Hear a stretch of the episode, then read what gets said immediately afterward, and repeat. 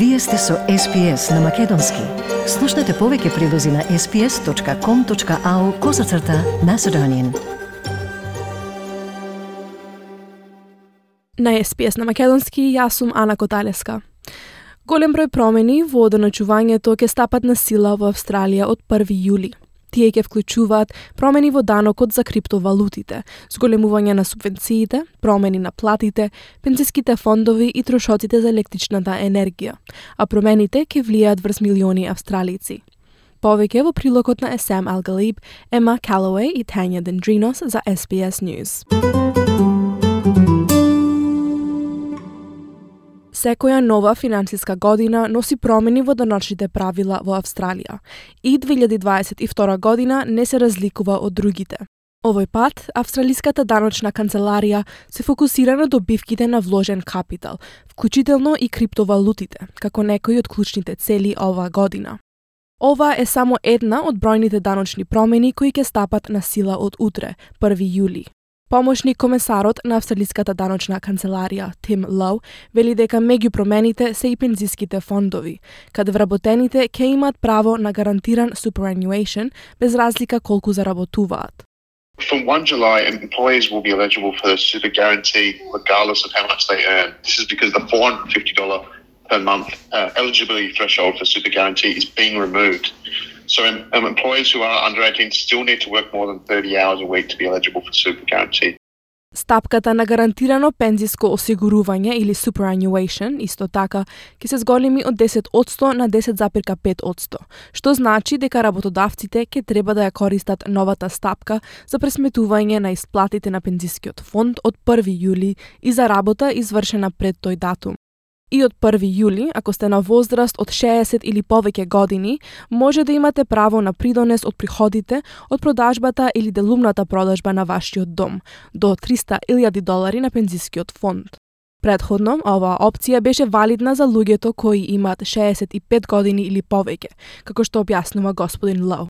Исто така, од 1 јули повеќе од 10 милиони австралици ќе добијат еднократен даночен надоместок од 420 долари.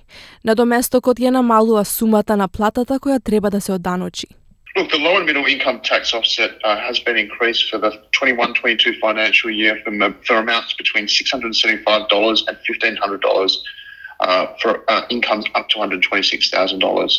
Uh, the ATO will automatically in, uh, calculate the lower middle income tax offset for you. And what the lower middle income tax offset will do will reduce your tax bill by between $675 and $1,500. Um, it's a non-refundable offset, so it will only reduce the amount of tax you pay and it won't be uh, an additional refund uh, for, for taxpayers. Максималната плата исто така ќе се зголеми за 5,2% на 21 долар и 38 центи. И со тоа неделната плата ќе се зголеми за 40 долари врз основа на 38 часовна недела со полно работно време и субвенцијата за грижа за деца ќе се зголеми. Семејствата со повеќе од едно дете на возраст од 5 години или помали ќе добијат повисока стапка на субвенција за детска грижа, позната и како CSS за нивното второ и други деца. Значајни промени ќе се воведат во програмата за барање работа или Job Seeker.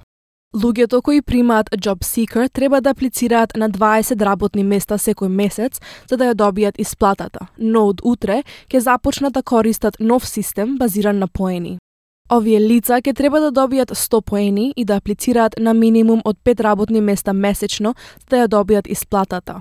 На новиот список со 30 задачи и активности, секоја носи индивидуална вредност на поени.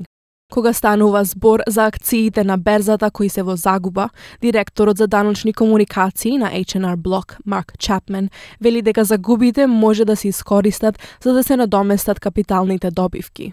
And If there are any uh, shares which are sitting at a uh, at a loss, then you can simply uh, sell those before the year end and uh, use any losses to offset the uh, the capital gains.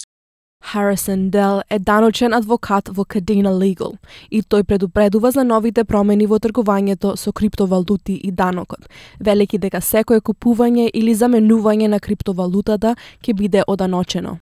The tax events for most people, as just a casual investor, will be whenever they swap a token or whenever they receive a token. Um, an example of that is if you're trading between different tokens, you would swap some Bitcoin for some Ether, you would actually trigger a taxable event and you've got to work out your capital gains tax on every single transaction that you do. Тој предупредува дека многу луѓе погрешно ги толкуваат правилата околу криптовалутите. Например, некои мислат дека добивката од криптовалутата не се оданочува, освен ако се замени за австралискиот долар, а како што вели господин Дел, тоа едноставно не е точно. I have a conversation at least uh, two or three times a week with someone who, who says that um, their cryptocurrency uh, profits are not taxable unless they swap it back to Australian dollars. And it's simply not true. That's not how the system works. And um, it's made some people very distressed. Some people are very surprised. Кога станува збор за проценка на даночните пријави во 2022 година, Австралиската даночна канцеларија може да бара евиденција за приход и одбитоци од имот од изнајмување и работни трошоци. За да се зголемат даночните пријави за бизнисите, Марк Чапмен вели дека тие имаат опција да бараат итен отпис за средствата, но тоа треба да се надправи пред крајот на работниот ден денеска.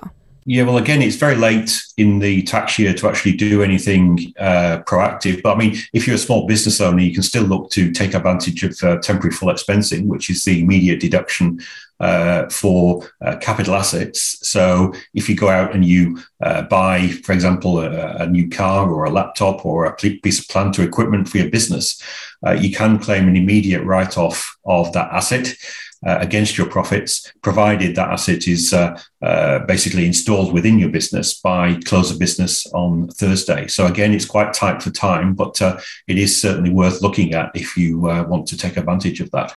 Марк Чапмен вели дека постои огромна разлика помеѓу она што даночните обврзници всушност го плаќаат и она што Австралиската даночна канцеларија проценува дека треба да плаќаат.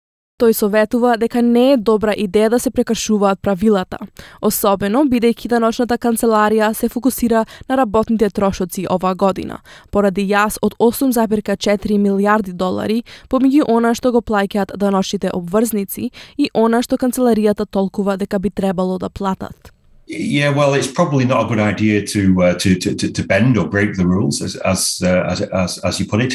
Uh, uh basically, the ATO has got a real focus on uh, work-related expenses this year um, uh, because they perceive that uh, many people have been abusing these over the past few years. There's something like a uh, an 8.4 billion dollar uh, gap between what uh, uh, taxpayers are actually paying and what the ATO thinks they should be paying, and a lot of that is made up by work-related expenses.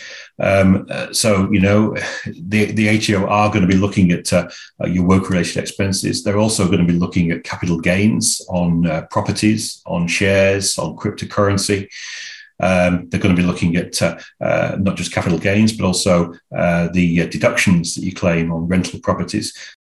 Тој вели дека ако формуларот за данок е пополнат правилно однапред, со тоа може да избегнете главоболки потоцна. It is quite uh, uh, time uh, significant. Obviously, we're uh, you know three or four days before the end of the year end, uh, and therefore you really do need to take action straight away.